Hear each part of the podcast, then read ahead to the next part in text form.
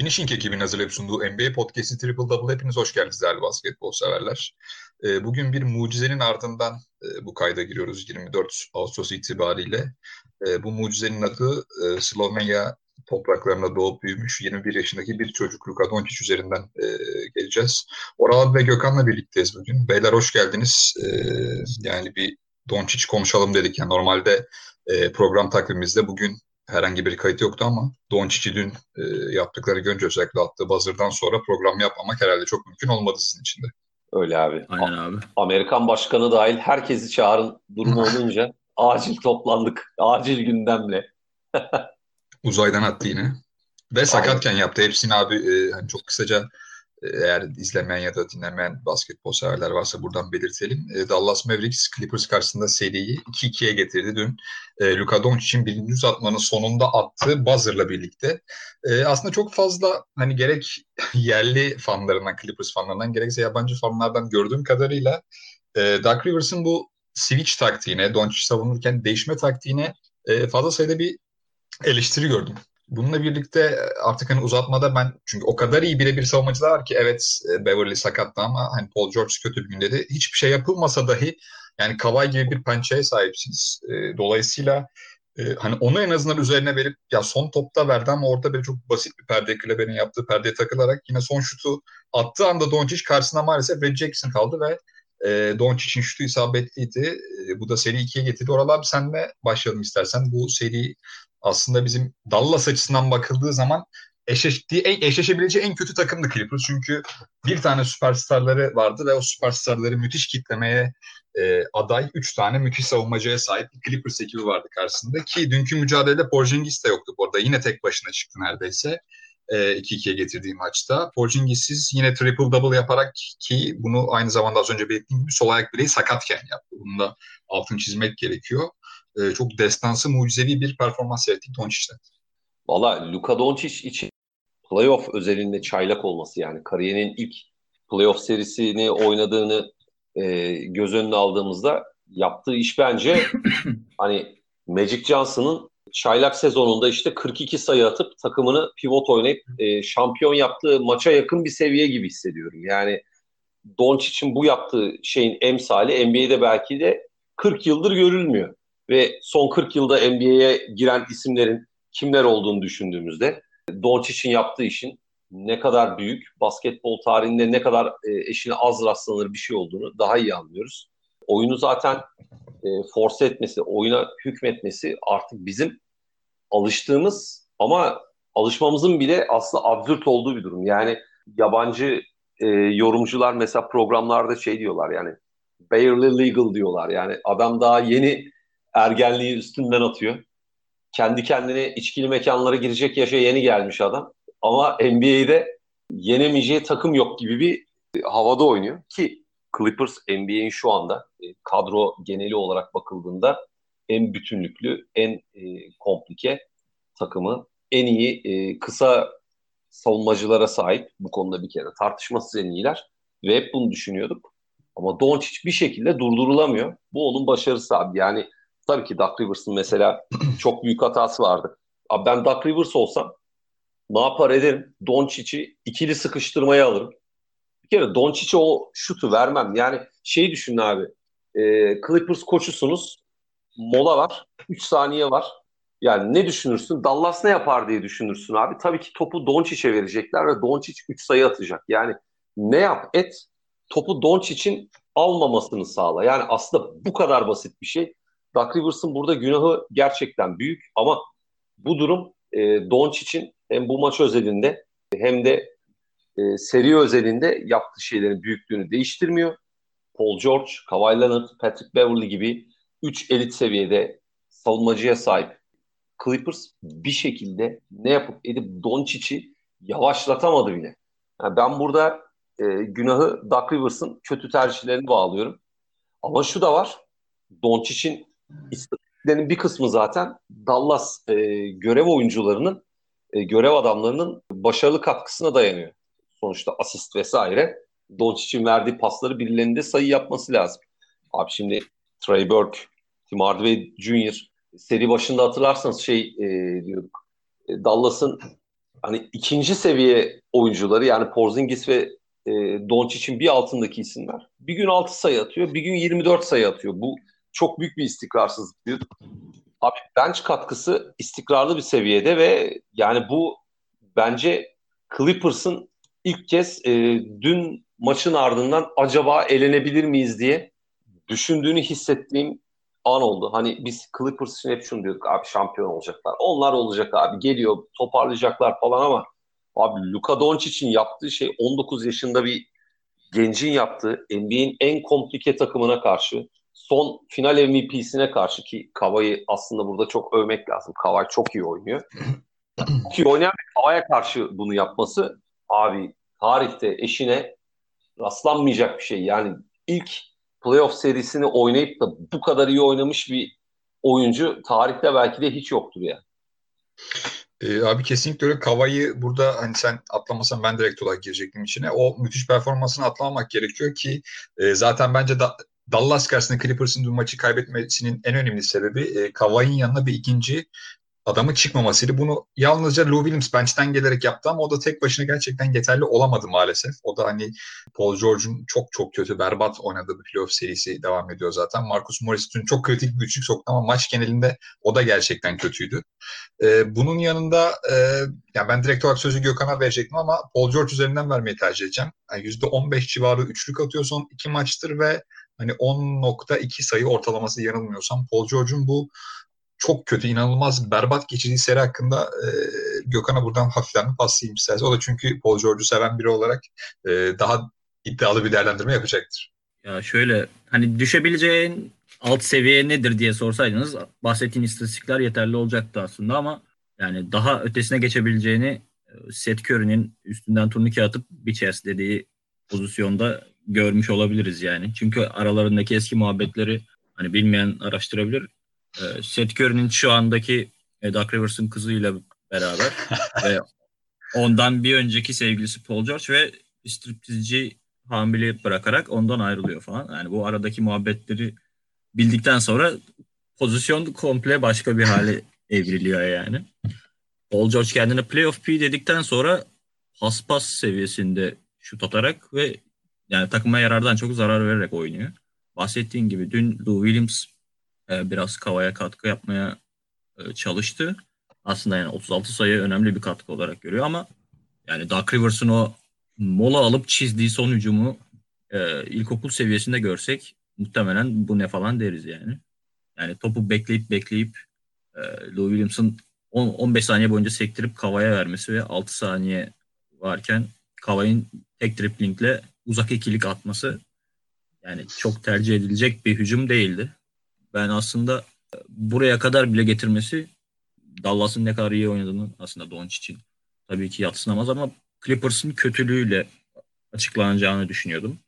Hani uzun zamandır Damian Lillard'ın arada e, birkaç pasaj gösterdiği maçlar haricinde tek başına bir oyuncunun bir maçı kazandığını NBA'de yani çok görmeyiz aslında ama e, Porzingis de yokken dün yani elinden gelenin fazlasını yaptı. İşte kenara oturduğu zaman ayağına böyle darbeli matkap gibi bir şeyle sürekli masaj yapılıyordu. İşte bisiklete biniyordu e, soğumamak için falan. Hani sakat sakat bunları yaptığını düşününce insan daha da aklı hayali almıyor Doncic'in dün gece yaptıklarını. Aslında Kaan Kural'ın ve o tarz basketbol camiasındaki isimlerin bahsettiği gibi hani diğer maçların kalan diğer serilerin kalan maçları iptal edip bu maç 15 maç üzerinden oynansın. Hani 8 olan kazansın falan gibi bir muhabbet vardı. Hakikaten yani e, en keyifli ve en çekişmeli seri e, bu şu an. 2-2'ye geldi ve yani Doncic'in ilk playoff serisi olduğunu hani bazen unutabiliyoruz bahsettiğiniz gibi. Yani çıktığı seviye inanılmaz. Bundan sonra daha ne yapabilir diye düşünüyorsunuz ama hep bir adım ileriye taşımayı başarıyor. Şu ana kadar bunu başardı yani. E, rol oyuncularının e, önemli bir performansı vardı. Bahsettiğiniz gibi Trey Burke olsun, e, Michael Gilchrist bile şut atıyor falan yani kenardan gelip. Boban, Boban hakeza yani takımda olması bile yeterli bence. İnanılmaz bir figür. Çok eğlenceli ve özellikle soyunma odasında. Yani o da giriyor, katkısını veriyor. Yani dün belli bir bölümde e, iki takımda dört dışarıda bir de o kadar içeride olmayan bir oyuncuyla oynuyorlardı. Dorian Finney-Smith 5 falan oynuyordu. Hani basketbolun geldiği nokta açısından da çok e, inanılmaz bir noktaydı. Hani bu seriyi biraz böyle e, kısa beşlerle geçilecek gibi duruyor.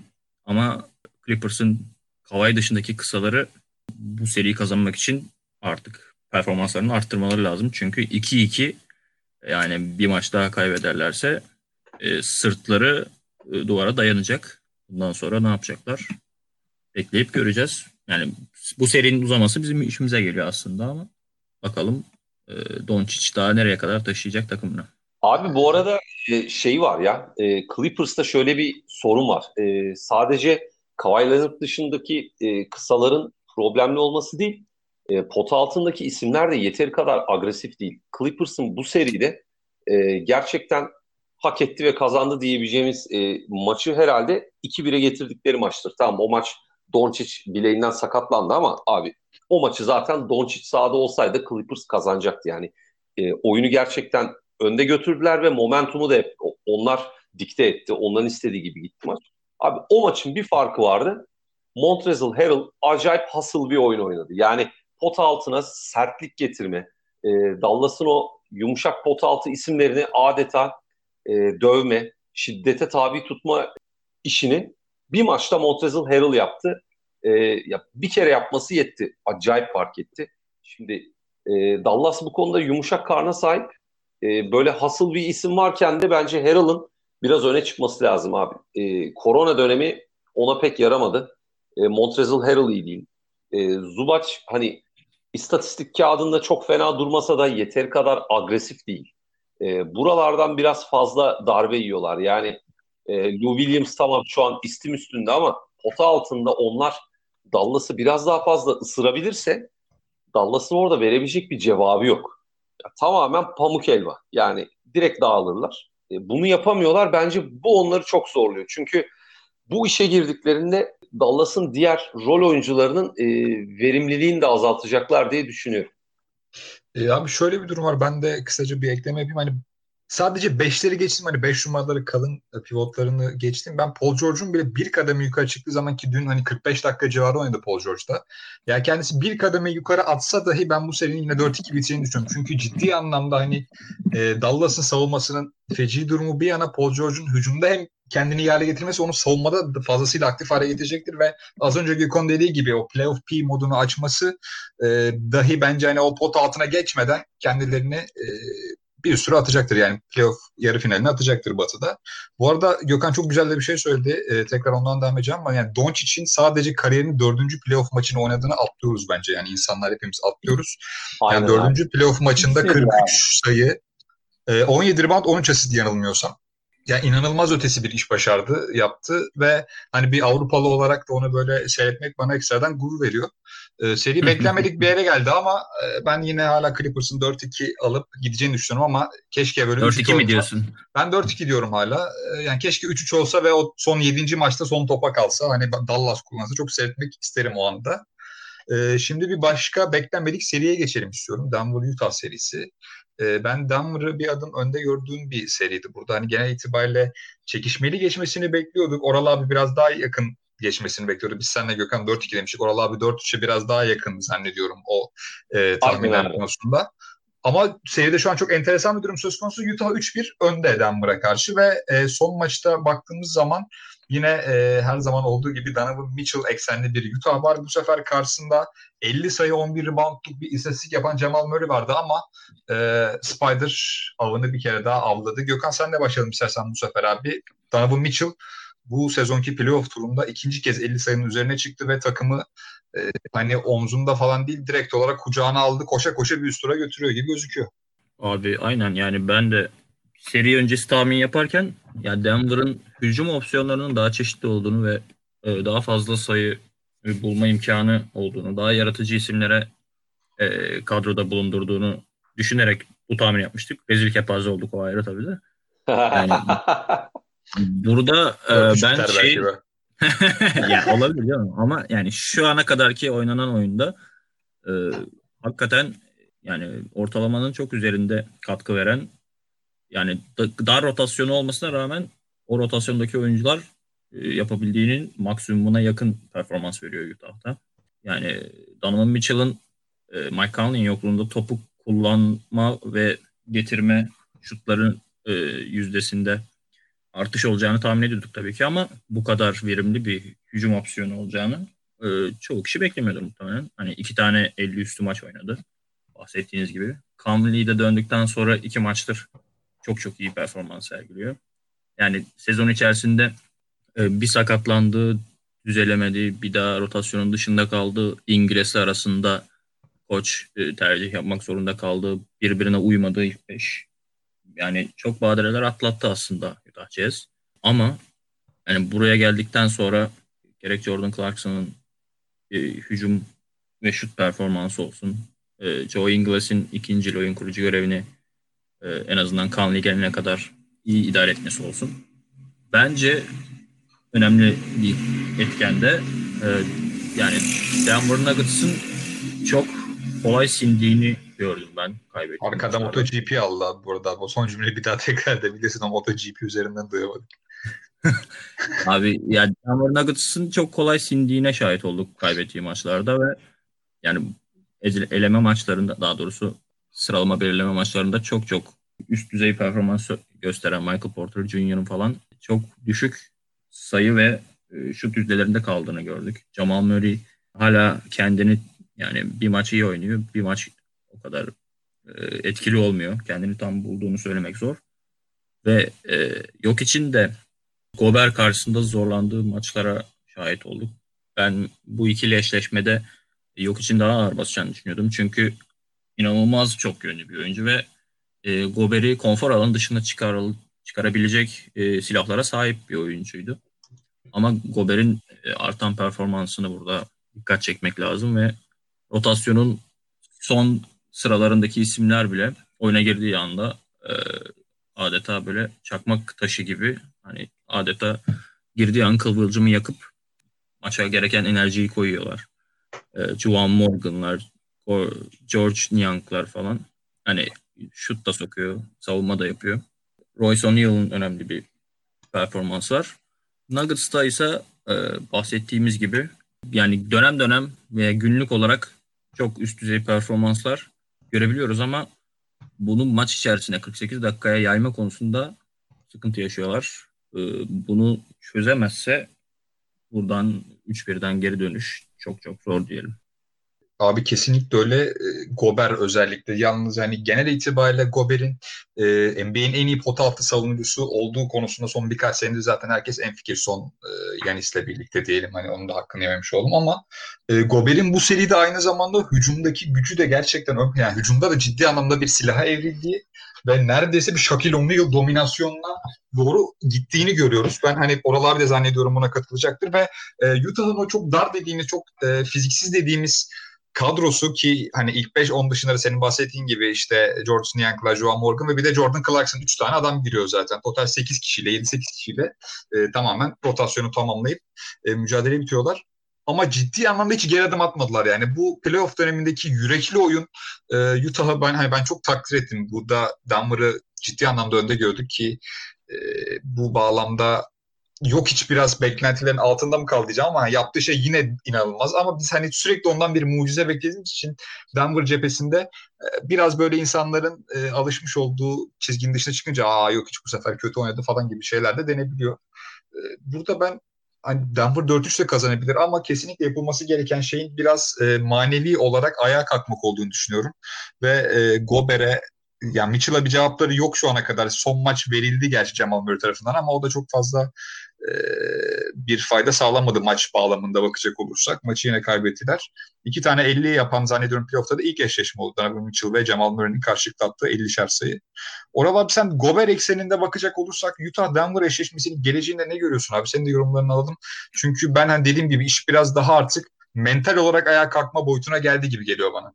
Abi kesinlikle katılıyorum. Hani bana eşleşmeyi e, sormanı beklerken e, hep kafamda yani buradan yürümek vardı. Bazen işte oyuna, tekniğe, taktiğe odaklanabiliyoruz ama e, Utah Denver serisinde molalara gidilirken oyunculara e, zoom yapıldığında, yaklaşıldığında gördüğümüz beden dili o kadar çok şeyi gösteriyor ki Denver oyuncularında genel olarak bir yılgınlık var. Utah oyuncuları ise sürekli bağırıp çağırıp gözlerinden ateş çıkaran inanılmaz enerjik, kendini maça acayip adamış ve çok e, yüksek bir modda gözüküyorlar. E, Gober dedim mesela abi. Gober gerçekten dediğin gibi sürekli çifte maçlar böyle Shaquille O'Neal gibi pot altında güçlü, dominant bir e, karakteri ortaya koyma olsun. Normalde kendisinden e, hücumda pek beklemediğimiz tarzda işler yapıyor. Abi işte agresiflik daha doğrusu nasıl diyeyim e, mantalite öyle bir şey ki e, sayılar bazen bunu tam olarak anlatamıyor. Yani yoksa Rudy Gobert tutup da 35 sayı 22 rebound falan yapmıyor. Yani çok sıra dışı inanılması güç istatistikler falan yok ortada. Ama işte ortaya koyulan yürek, ortaya koyulan agresiflik takım olarak e, çok önemli. İlk maçtan sonra ki Donovan Mitchell efsane oynamıştı. Gelmiş geçmiş en yüksek üçüncü sayı. Bir maçta bir oyuncunun elde etti. 57 sayı. Playoff'ta evet. Aynen abi playoff'ta. 57 sayı attı yenildiler ama daha sonra bu e, işi hiç bırakmamaları, agresifliği bundan e, yola çıkarak momentumu hep ellerine almış olmaları çok önemli. Burada mesela biraz daha sağ içine, teknik taktiğe, e, oyuna odaklanacak olursak mesela e, Joe Ingles'in Kalını yokken bir nevi geçici de olsa bir e, point forvet'e dönmesi ve Donovan Mitchell'dan e, topun yarı sahaya gelişinde, e, topun servis edilişinde belli anlarda yükü alabilmesi e, Donovan Mitchell'ın e, zaman yönetiminde kullandığı zamanları daha etkin, daha agresif kullanmasını sağladı. Yoksa Donovan Mitchell yine 40 dakikanın altında her zamanki gibi belli standart sürelerde oynuyor. Ondan da, Gober ondan daha e, fazla oynuyor mesela. Gober 40 dakika civarı falan da en son. Bunun dışında mesela Denver'da e, seri öncesi kendi fikirlerimizi ortaya koyarken Jamal Murray geri döndü ve e, kısa rotasyonunu en azından optimal bir seviyeye çekecek. Bu da onların toplam kalitesine çok ciddi etkide bulunacak diye e, fikir beyan etmiştik. Gerçekten Jamal Murray hani zaten son maçta 50 sayı atarak e, bu konuda çok dramatik bir gösterge ortaya koydu ama takımın genelinde acayip bir enerji eksikliği var. Playoff döneminde bu kadar enerji eksikliği, bu kadar baymışlık abi olmaması gereken bir şey. Mesela Michael Porter Jr. şu anda direkt patates son iki maçtır. Aa, hiç beklemiyorduk. Bubble döneminde en iyi çaylak seçtik. Gerçekten e, bu tarz bir çok iyiydi ama o dönem ya. Aynen abi. O yaklaşım hak eder. Çok iyi bir oyun oynadı. Abi işte agresiflik gidince ya NBA'de tutunmanız, maçı yürütmeniz çok zor. E, Jamal Murray son maçta çok ciddi inisiyatif ortaya koydu ama abi yok hiç özellikle böyle bir ya üf müf bitse de gitsek tribinde böyle bir anlamsız bir isteksizlik var. Zaten o adamın o şekilsiz amorf halinden dolayı mı bilmiyorum o mimik mimik eksikliğinden mi bilmiyorum ama ya yok işte böyle bir seri sanki istemiyor hali var. Daha agresif olmalı. Bir şekilde e, işler Denver için hiç yolunda gitmedi. Ama bu da taktikten ziyade mantaliteye dayalı. Maçları izlediğimizde hep agresifliğin temel fark olduğunu görüyoruz. Fikirleri, skor tahminleri, maç tahminlerini yaparken bu tarz şeyleri öngörebilmek imkansız. O ana kadar yapılanları bundan sonrasında yine lineer bir gelişimle e, kestirim haline evet. Tahmin yapıyoruz aslında. Ya herkesin yaptığı bu. Ama bunun çok dışında çok dramatik, çok farklı şeyler oluyor. Ya, Gober gerçekten çok etkili. Bu seride etkili olan uzunun yok hiç olmasını, oyunu gerektiğinde dışarıdan kurmasının Gober'in savunma gücünü çok azalttığını falan söylüyorduk ama Utah çok agresif. Ya bir de Utah'la ilgili şunu diyeceğim son olarak. Korona döneminde biliyorsunuz Rudy Gobert bu işin simge ismi oldu. Donovan Mitchell Covid pozitif olduğunda falan araları bozuldu.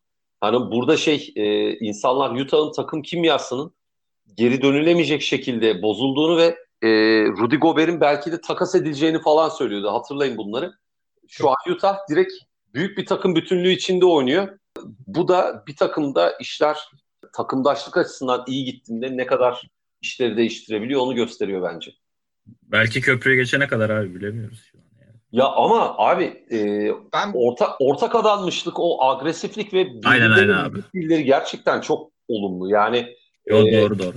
De ben burada bir de Queen Snyder'ı da abi çok özür dilerim araya girdim. Queen Snyder'ın da burada e, ciddi anlamda rolünde olduğunu düşünüyorum. Çünkü kendisi bu tip e, durumlarda ciddi anlamda ortaya bulabilen ve takım tekrar toparlayabilen bir abimizdir. Ben onu e, asistan döneminden falan bilirim. Yani CSK Moskova'nın sürekli bu tip işlerin e, hani saha dışı faktörlerin yer aldığı durumlarda çok şeydir yani kendisi. Ben onun da ciddi anlamda burada Queen Snyder'ın etkisi olduğu konusunda düşünceye sahibim yani.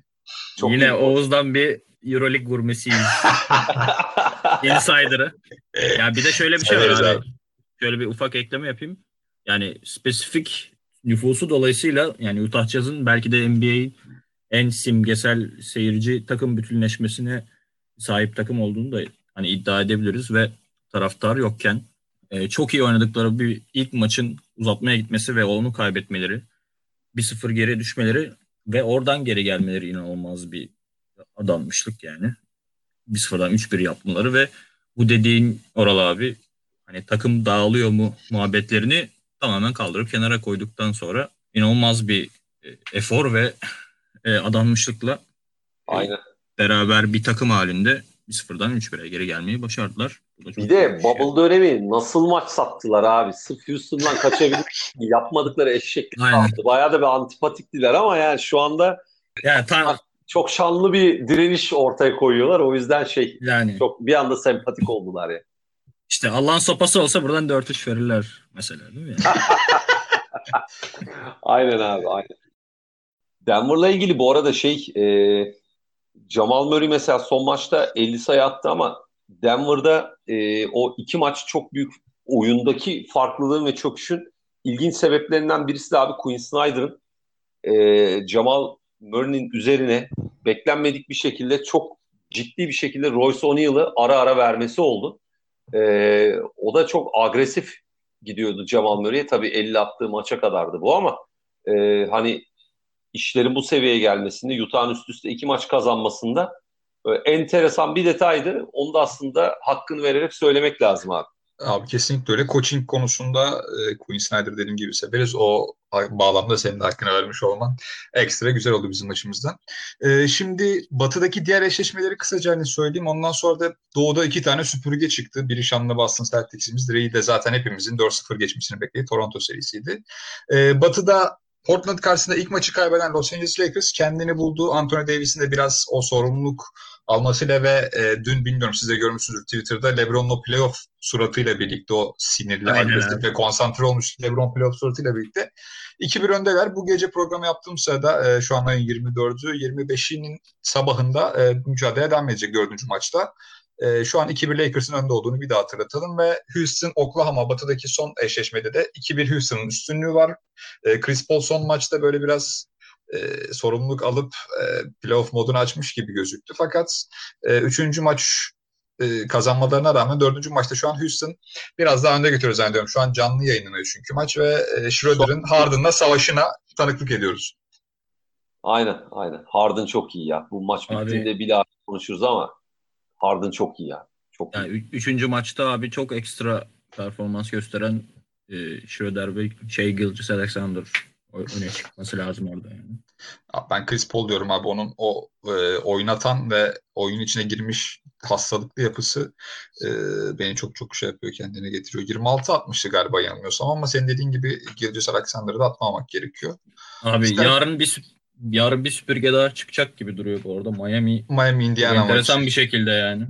Evet abi. E, şimdi Doğu'ya geçelim. Doğu'da çok büyük bir sürpriz dediğimiz e, olay gerçekleşmiş. Milwaukee Orlando serisinde ilk maçı Orlando kazanmıştı ama e, sonrasında Milwaukee ne oluyoruz biz beyler modunu açtıktan sonra 3 e, maç üstte kazanıp şu an e, 3-1'e getirdi seriyi. En son maçı da 121-106 kazandılar. Hani Chris Middleton'a çok fazla biz de kendi aramızda söylüyorduk artık sorumluluk al, sorumluluk al bir şeyler yap. Yani kaçır ama o sorumluluğu al, o agresifliği, o iştahı göster diye son maçta e, biraz bunu sanki bizden duymuş gibi harekete geçirdi ve e, 21 sayı 10 reboundda double double yapmıştı.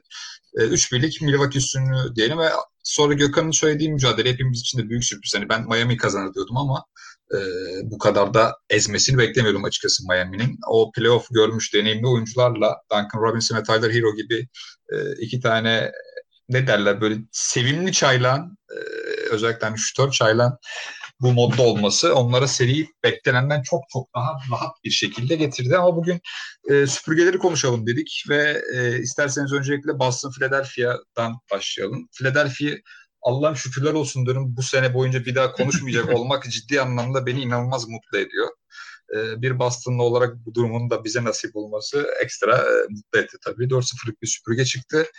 Ee, Oral abi senden başlayalım. Yani ben Jason Tatum eksenine bakacağım ama hani bu seri zaten 4-0 bitti. O yüzden hani çok fazla da böyle tek adam üzerinden yıkmak da çok çok doğru değil zannediyorum. Ama Jason Tatum'un ciddi anlamda bir e, Kemba'nın da tabii son maçtaki yardımıyla birlikte e, ciddi anlamda ben artık süperstarım diye bas bas bağırdığı bir e, seri oluyor. Tabii şimdi Boston Celtics'te e, takımı biz artık Jason Tatum'un takımı olarak görüyoruz. Herkes böyle görüyor. Bu kanıtlanmış doğru bir olay performansıyla ama playoff dönemindeki e, bu dört maçlık seriyi, bitmiş seriyi iki maç Jason Tatum, Jalen Brown özelinden son iki maçta Kemba Walker özelinden gitmek daha bence mantıklı bir şekilde görmek olur. Çünkü Kemba Walker son iki maç gerçekten hani Boston'a gelmiş All-Star bir franchise player olarak bu bilinçle oynayabileceğini gösterdi. Ee, sonuçta şu var seri kolay giderken Tatum'un, Brown'un, diğer isimlerin de aslında kendini aktif dinlenmede götürebilmesi. Burada aktif dinlenme derken sonuçta önünden geçen oyuncuları buyur geç demiyor kimse. Ama işte Kemba Walker gibi bir ismin takıma neden alındığı, neden bu kadar e, iyi bir, güçlü bir kısa ve kanat rotasyonuna sahip olunduğu, ya bunun ne amaçla oluşturulduğu ortaya çıkmış oldu. Sonuçta şunu diyorduk, Boston'ın zaaflarına karşı Philadelphia'nın güçlü yanları, Philadelphia'nın e, zaaflarına karşı Boston'ın güçlü yanları. Ama tabi burada Philadelphia'nın takım olarak e, içinin artık e, takımdaşlık olarak bitmesi. Embiid'in tek başına işleri götürmeye çalışması, Brett Brown'un çok kötü coachingi, kullanabileceği hiçbir ismi anlamlı bir plana bağlı olarak kullanmaması ve bu sayede Tobias Harris, Al Horford gibi önemli All-Star kalibresindeki isimlerini de yine e, sıfır verimde kullanmasıyla beraber üst, üst üste yazılacak. Çok fazla günahla e, Philadelphia e, sadece seriyi bitirmedi.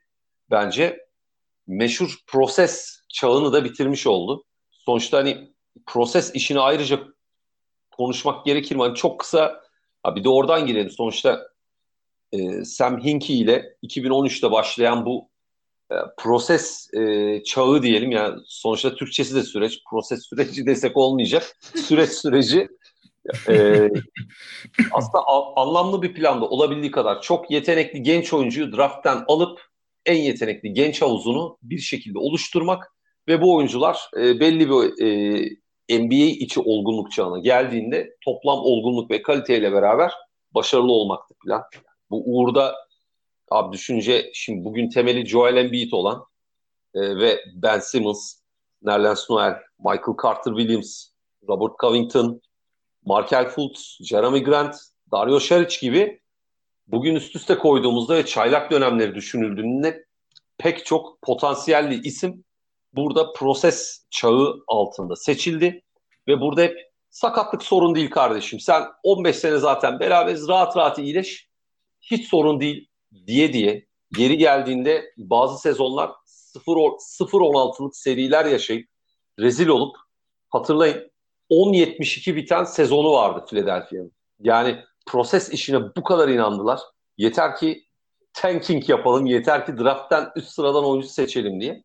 Ama işte abi geldiğimiz e, noktada öyle noktalarda öyle hatalar yapıldı ki proses çağı bitmiş oldu. Burada ben tabii Colangelo ailesinin büyük günahları olduğunu düşünmekle beraber bu işin patladığı noktada e, Elton Brand'in çok büyük günah olduğunu düşünüyorum. Daha önce bunu bir konuşmuştuk. E, hatırlıyorum çünkü Elton Brand'e e, Divas'la birlikte abi çok özür dilerim araya girin. Divas'la birlikte kendisine bol bol gömdüğünüz bir podcast'imiz vardı. evet, evet, evet. Yani e, bak o şu anda Uğur'andan mesaj Sixers Brett Brown'u şutlamış. evet evet. O zaten şeydi. Vay, Beklenen bir gelişmeydi. Son dakikadan geldi. Kırmızıyı girelim. Yani evet ya kırmızıyı girdik ve bu kadar olur yani. Şimdi Uğurhan bugün programda e, WhatsApp'tan bir şekilde bize bu bilgiyi ulaştırmış oldu. Abi şimdi şöyle bir şey var. Ee, bir önceki sezon e, Robert Covington ve Dario Saric'i e, Jimmy Butler için veriyorsunuz. Kanat forvet rotasyonunuzu daraltıyorsunuz. Sonra Robert Covington ve Dario Saric neye dönüşüyor abi? Josh Richardson'a dönüşüyor. Ondan sonra J.J. Redick gibi bir şutörü kay- kaybediyorsunuz. Çünkü niye? Acayip kontratlarla e, maaş tavanınızı şişiriyorsunuz.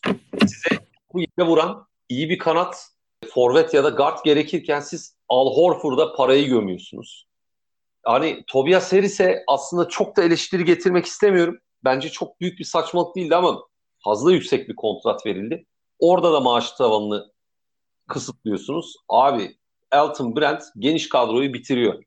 Şariç'i, Covington'ı Josh Richardson'a dönüştürüyor. Al Horford'a yıllık yaklaşık 27-28 milyon bağlıyor. Prosesi ben yarattım tribiyle prosesi bitiriyor. Yani geçmiş olsun şimdi abi buradan sonra Embiid mi kalacak, Simmons mı kalacak? Millet onları konuşuyor. Yani çünkü Philadelphia ile ilgili e, daha korona dönemi Kaan Kural'la yaptığımız programda hatırlarsınız değil mi? Kaan Kural'a soru sorarken Philadelphia dışında e, Bubble'da patlamasını e, düşündüğünüz, beklediğiniz takımlar kim diye sormuştuk abi. Bunlar burada var hocam. Bunlar burada var her şey kayıt. Yani bir yerde hakikaten bunu bekliyorduk. Pek çok kişi de bekliyordu. Abi Philadelphia ile ilgili seriyle konuşulacak bir şey yok çünkü.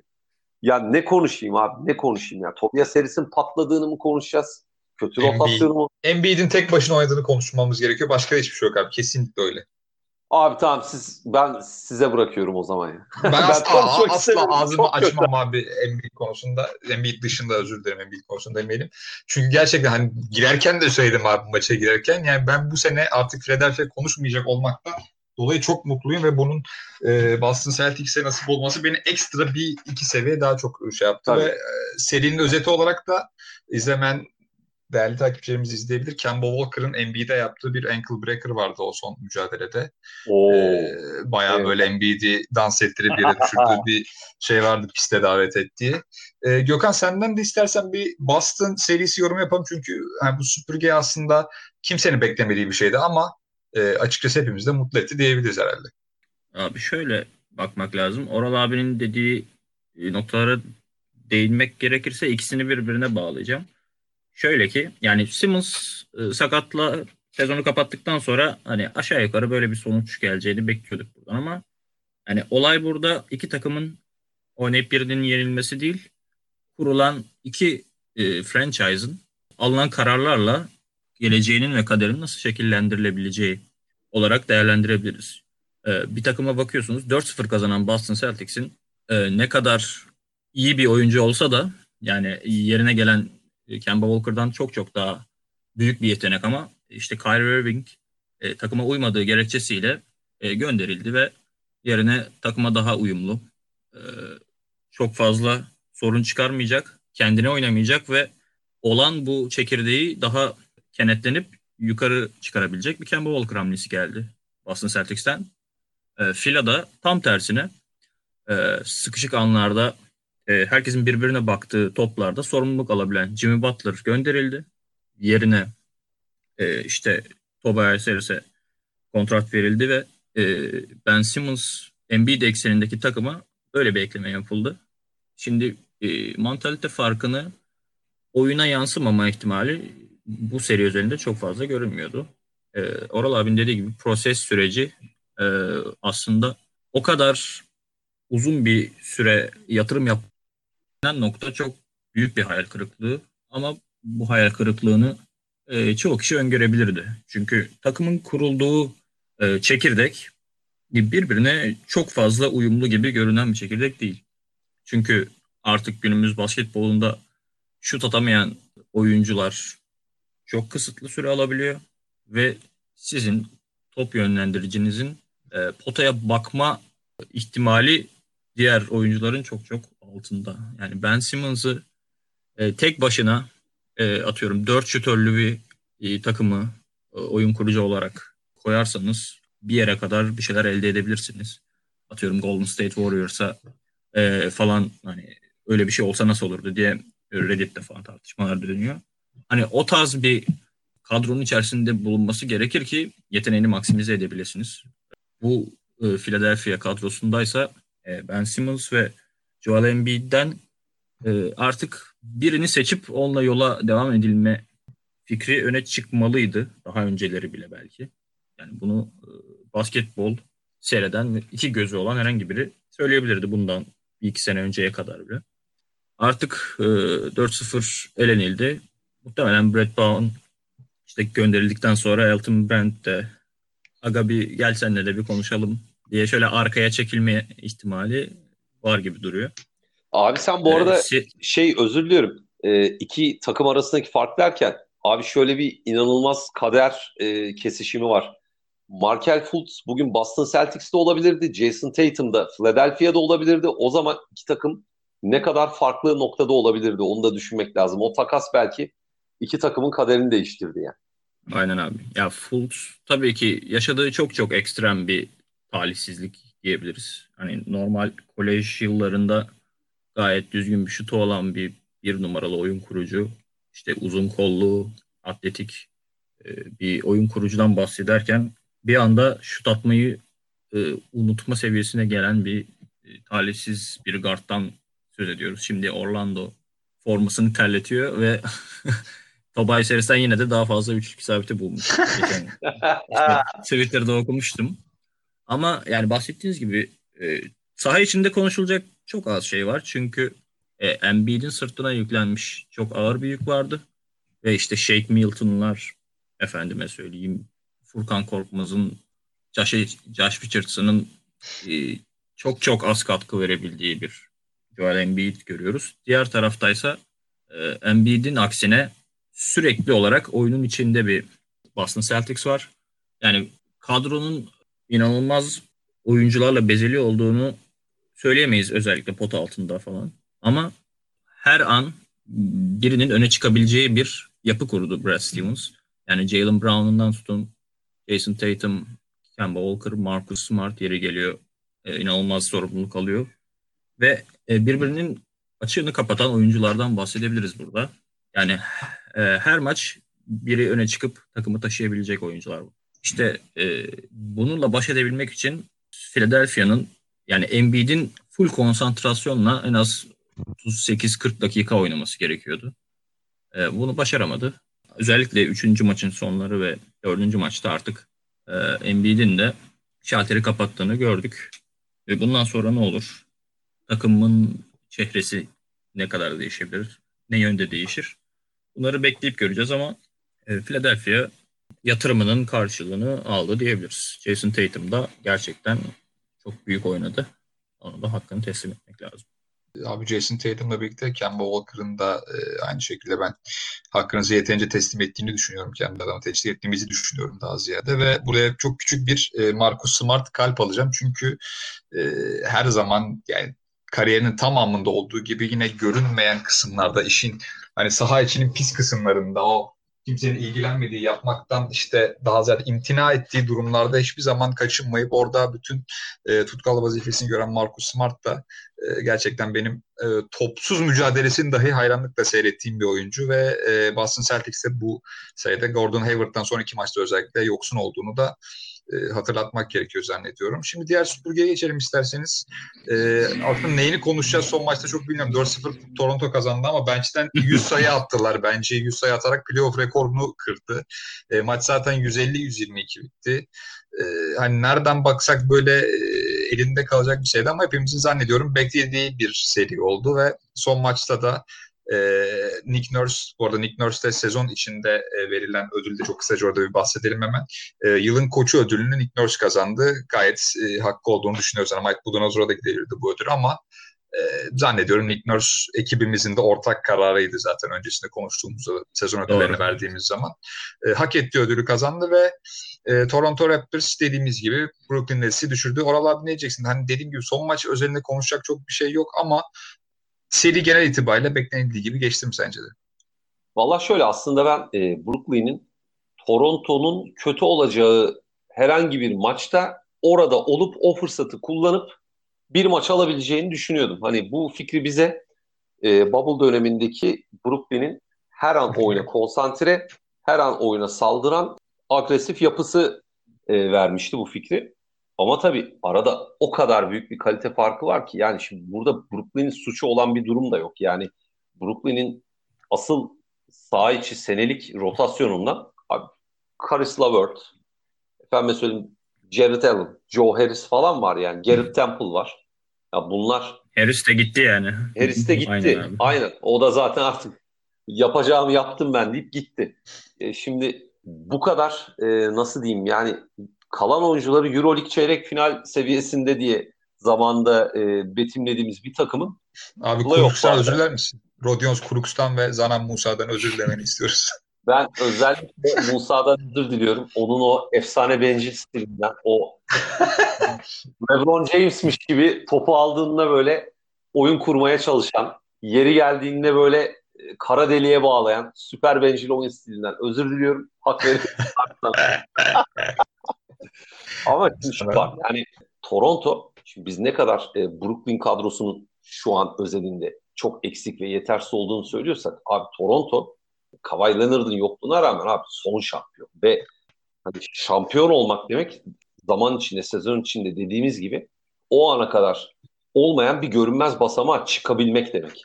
Yani şimdi Fred Van Fleet bu serinin bence bir numaralı kahramanı.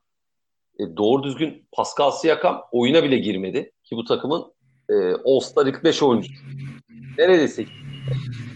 Abi Norman Powell, Fred Van Fleet, Obi. Hani böyle isimlerle ikinci plan sayılan kağıt üstündeki rol oyuncularıyla abi bastılar geçtiler. Yani ne diyebiliriz ki? Zaten geniş kadro. Karşılarında da artık biz buraya kadar geldik. Yapabileceğimiz her şeyi yaptık ve şu anda bile gurur doluyuz demeye hakkı olan ve belki e, tek amaçları önümüzdeki sezon NBA takımlarında garanti kontrat almak olan NBA özelinde ikinci, üçüncü sınıf, dördüncü sınıf sayılan C sınıfı, D sınıfı oyuncularla maç yaptılar. Maç serisi yaptılar. Ya burada teknik taktik olarak çok konuşacak bir şey yok. Bir tek Toronto'nun e, geniş kadrosunun bundan sonraki e, seri için, Boston serisi için Boston'la eşleşebilecek pek çok done vermiş olması önemli. Kyle Lowry'nin bir bilek sakatlığı oldu dün maçta. Evet. Boston serisine dönebilir mi? O biraz e, her şeyi etkileyebilir ama bu seri hakkında e, o dört maçlık seri için pek konuşulacak bir şey yok. Zaten hani 4-0 biten şeylerde mesela Philadelphia'da bir sürü olumsuzluk var ama Brooklyn'de olumsuzluk da yok. Yani Brooklyn elinden gelenin en iyisini yaptı. Onları çok değiştirecek bir durum yok. Kesinlikle öyle. Gökhan son olarak e, programı kapatmadan önce senin de e, Brooklyn Toronto eşleşmesine dair e, fikirlerini, düşüncelerini aldım. Ve abi o hani Lavri konusunda dün o kadar böyle saçma sapan maç seyrettik ki sakatlığı geçmese bile Boston'a karşı sanki Norman Powell çıkar ve ya biz Kyrie'yi aratmayız kardeşim biz de oynuyoruz der gibi hissettirdi bana açıkçası. Onu da çok kısa söyleyeyim de. Evet abi. Abi abi haklısın. Şöyle e, Nick Nurse'ün o hani rotasyonu geniş tutup herkesten katkı alabilme skili e, burada da devreye girebilir. Yani Lowry'nin sakatlığı ne derece ciddi bilmiyoruz ama e, olması tabii ki daha güzel bir rekabet açısından iyi olur. Yani bu seride e, dediğiniz gibi saha içinde çok fazla konuşulacak şey yok. Ben zaten maçların çoğunu izleyemedim. Yani bizim eve fare girdi. Onunla uğraşıyoruz 3 gündür. Yani banyoda böyle Kurtar Vadisi Cerrahpaşa kahve baskını gibi içeri böyle içeri dalıp dalıp yakaladınız mı? Falan. Yakaladık abi hallettik. Abi, ben hani onu çok yani. özür dilerim yine araya küçük bir fare avlama teknikleri olacak da hani e, anneannem şeyde yani ciddi anlamda e, kendi başına yaşıyor ve e, hem müstakil bir evde oturuyor. Dolayısıyla ben çocukken onların sürekli bir e, fare şey olurdu. Hani o sürekli ne bileyim mamalarla işte o başka kaplarla falan yakalamaya çalışırdı ama en garanti çözüm ciddi anlamda eve bir tane sokak kedisi alıp o kediyi evin içinde yalnızca 2-2,5 saat bırakıp onun avlanmasını doğal ortamda onu seyretmek. Yani bunu çözdüğümüzden beri gerçekten o eve fare girmiyor yani. Bunu da eğer fare sorunu yaşayan takipçilerimiz varsa onlara küçük bir dipnot olarak belirtelim. Yani evet, ben Brooklyn de... Toronto serisi aynen böyle işte abi. Kendine fareyle oynadığı gibi bir tane. abi, şey gibi şu Sinan Engin'in kahve muhabbeti Dersin falan filan. Çaycı ödersin. Abi yani ben de bu arada zehirli yemden ziyade yapışkanlı yakalama tekniğini önerecektim buradan. Neyse.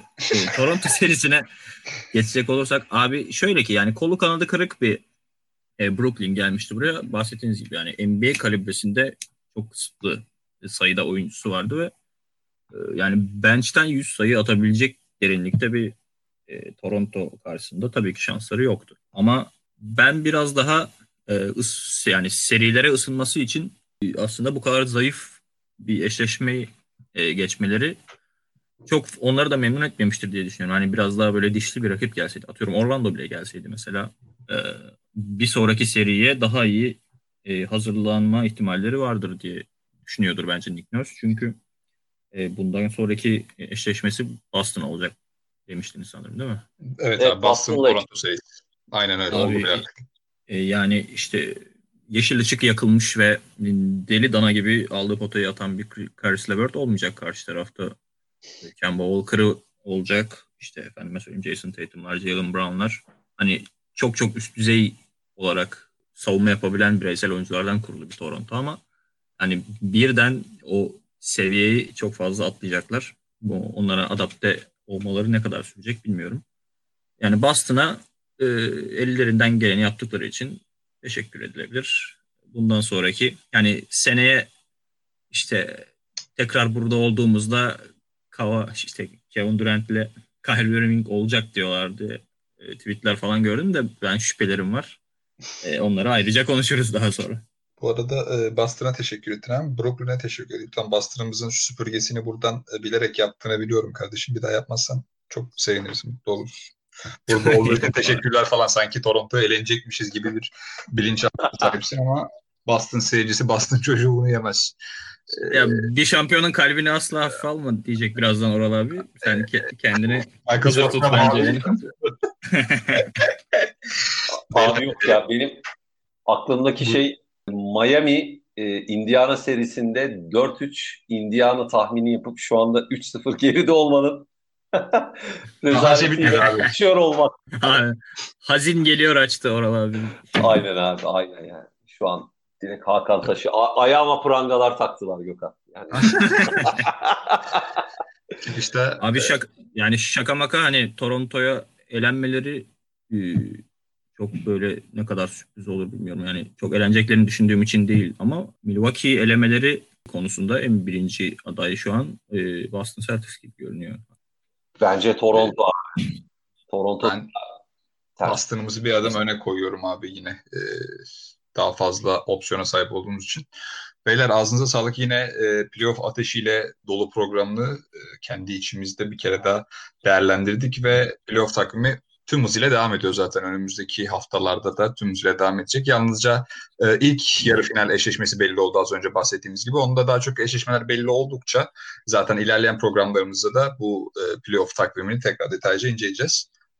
Finishing ekibinin hazırlayıp sunduğu NBA Podcast'i Triple Double'ın bu hafta da sonuna geldik değerli basketbol severler. Önümüzdeki hafta playoff takvimiyle birlikte tekrar sizlerle birlikte olacağız. Hoşçakalın. Hoşçakalın.